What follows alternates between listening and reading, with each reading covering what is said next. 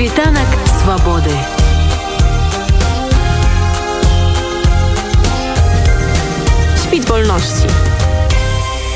6 лютага беларусы Киева сабраліся на традыцыйную нядзельную акцыю на майдане незалежнасці. Гэтым разам беларуская грамада вырашыла далучыцца да марша салідарнасці прадстаўнікоў розных народаў свету з Украінай якая зноў паўстала перад пагрозай расійскай ваеннай агрэсіі. Пра што казалі беларусы на гэтай акцыі ў нашым сюжэце геаграфію прадстаўнікоў народаў якія выказалі салідарнасць з народам Украіны можна было пабачыць паводле сцягу Украінаў што луналі пад хрышчатыкам і майданам незалежнасці нямметчына швейцарія Індыя злучаныя штаты Амерыкі Данія Норвегія Канада літва Великая Брытанія Аўстрыя Іран Аўстралія і Беларусь наши нацыянальныя бел-чырвона-белыя сцягі таксама паказвалі спрычыннасць беларусаў не толькі да салідарнасці з Украінай яе змаганне за незалежнасць але і да непасрэднага удзелу ў абароне нашай паўднёвай суседкі палітыкі некалькі десяткаў беларусаў спачатку сабраліся на майдане незалежнасці каб абмеркаваць пытанне дыяспары свае дзеянні ў сувязі з так званым рэферэндумам які ўлады будуць ладзіць 27 лютага і магчымасці удзелу ў якім гэтыя ўлады пазбавілі ўсю замежную беларускую дыяспару. Але пазней беларуская грамада вырашыла далучыцца да інтэрнацыянальнага маршу прадстаўнікоў розных народаў што жывуць ва ўкраіне які праходзіў якраз у час штотыднёвай традыцыйнай акцыі беларусаў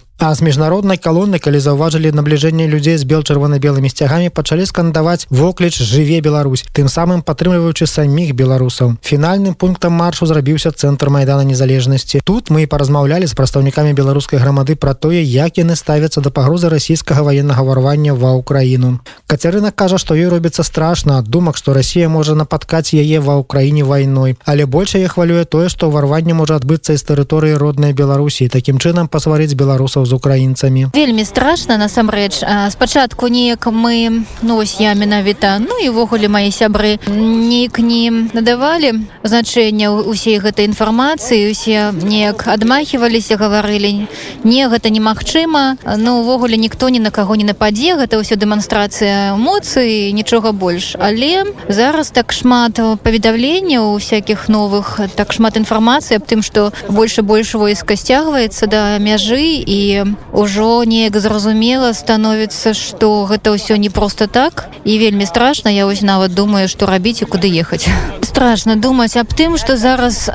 адбываецца ў сэрцах украінцаў і калі не дай Божа такая вось агрэсія з боку з э, беларусі адбудзецца я нават не ведаю да чаго гэта можа правесці бо я зараз адчуваю такі болей нянавість нават э, часам да рассеі якая так э, паводзе сябе адной адносінах да беларусі і да ўсяго міру. Калі так адбудзецца з беларусі украінцы начнуць адчуваць пагрозу таксама і ад беларусі гэта вось будзе самое страшное бо не хацелось бы каб нашыя народы рассорыліся. Толькі зараз вось я адчуваю такую вялікую сувязь з украінцамі. Мы апынуліся ў такой аднолькавай сітуацыі. У нас можна казаць адзін вораг зараз. І не хацелось бы каб так апынулася что мы сталі ворагам для Украіны блогер актывіст але стральцоў сказаў што не толькі хвалююцца за тое што можа адбыцца але робіць тое што можа каб людзей падрыхтаваць і знізіць узровень панічных настрояў увесь свет про гэта кажа і увесь свет не хоча уварвання ва ўкраіну з боку рассіі і тым больш з боку нашай роднай Беларусь но мы робім тое што можам рабіць мы салідарныя з украінцамі мы заяўляем про тое што і беларусы якія тут там сем'ямі уцяклі яны ну вымушаны будуць бараніць свае сем'і натуральна бо што ім яшчэ застаецца? Гэтаксама як і астатнія там кіўляне пытання ну менавіта я запісаў такую праграму з экспертам украінскім з лідарам батальёну добраахвотнікаў дзе мы распісалі як бы ну якая там моц беларускай арміі на сённяшні дзень што можа чакаць якія могуць быць страты там ці хочуць яны ваяваць супраць беларусу ці не ці лічаць яны іх вялікай пагрозай. Ну і спрабую гэта распаўсюджваць гэта там на сваёй там фейсбук старонцы youtube. Ну робім на сваім месцы кожны што можа. Прыходзім сюды нарэшце мы стаім мы вельмі падтрымліваем. Вось мы лічым што на добры лад это Беларусь павінна была б Украіне у цяжкой сітуацыі бачучы абсалютна агідныя паводзіны там Росія як акупанта як агрэсара зараз далейшага як бы працяг агрэсіі сваёй то Беларусь мела б дапамагчы чым небудзь памеры магчымасцяў там я кажу там ці ці гаўбіцамі ці нейкімі палявымі там кухнямі. Ну чым патрэбна чым мне могла б быць дапамога. Цяжкая сітуацыя паведна Беларусі. Вось гэта было б добра. Але на жаль лукашенко ж не вядзе такую палітыку он вядзе антынацыянальную палітыку і разбурае адзінства славянскіх народаў. Быў сярод тых хто падтрымліваў украінцаў на майдане ў мінулую нядзелю і беларус ветэран вайны ў 2014 годзе добраахвотнік батальёну аун. У яго настрой больш упэўнены спакойны але на ягоную думку як паводзяцца беларусам у выпадку расійскай агрэсіі кожны мае вырашыць сам. Пагроза на існуе на нікуды не делася же 8 год тут вайна і тут ну асаблівай такой панікі няма тому что люди ну хто воеваў яны знаюць что можа бути что Путін ну він такі він же не спыніцца і люди гатуюцца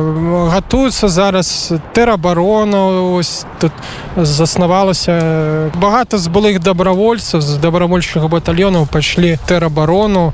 каб больш-менш легальна случай чаго мець змогу так бараніць Украіну і так так далей. Ну і таксама ну добровольчыя батальёны яны таксама ну сіна пагатове тобто просто не будзе тут Пуціну калі яны полезуць ну скажем так добро пожаловать в ад. То что зараз войскі стаяць беларусі ну это насамрэч гэта ж не першы раз яны туды зайшлі было ж там захід 17 чи якісь там вучэння калі так таксама заходзілі расійскія войскі на Беларусь. І таксама тут была такая ну невялічка не то что паніка але ну люди ну это наадварот мобілізавала людзей бо бо з Украіну яны так просто не возьмуць тут по ним будуць страляць з кожнага в окна і тут зараз пасціна ж праходзяць тут вышкалы так званыя для цывільнага населення як себе паводзіць у разе поўнамасштабного якраз таки уторгнення каб яны былі гатовы каб яны не так як ну разгубіліся не знаюць що рабі рабіць праводзяцца вышкалы з, з, ну для тых хто гатовы в майбутнім пайсці там да войска. Да іх праводзіцца вышкалы уже з паводзінамі за зброяй там са стрэльбамі за зброю тобто тут люди вони готовы ну прынаймні да да вторгнення ніякай панікі няма беларусы якія зараз тут в Україніне ты хто уже прайшлі праз вайну яны таксама пойдуць ну напрыклад ну я як быў я так і ёсць добровольчым батальёне аун. То есть наш батальон не расфармірован у разе поўнамасштабного вторгнення мы знаем Киеве для киевского підроздзела есть точка сбора і у кожным горадзе в Украіне есть точка сбора і а беларусы ну з іншых под подраздзяленню іх таксама а ты хто ну свежие приехали скажем так пасля двадцатого году хто ось ну хто хоча ну зараз няма ніякіх праблем в Украіне зараз прынята ну шэраг законаў і не толькі беларусы там тут любые иностранные грамадзяне які маюць жаданне служыць украінскаму войску маюць заключаць контракт на тых жа умоўшы і украінцы то есть з гэтым няма ніякіх праблем і це ж выбор кожного. Хто захоча тут пойдзе хто не захоча тут будзе якось ну эвакуювацца я не знаю. А я хочу нагадаць пра лёс нашага калегі палітвязня Анджая пачобута яго беларускія карга карныя органы зняволілі 25 сакавіка мінулага года і з таго часу ён вось ужо 319 дзён без аніякага суда знаходзіцца за кратамі за сваю журналісцкую дзейнасць крытыку саміх сябе ўлады абвясцілі распальваннем варажнечы у чым і абвінавачваюць пачобута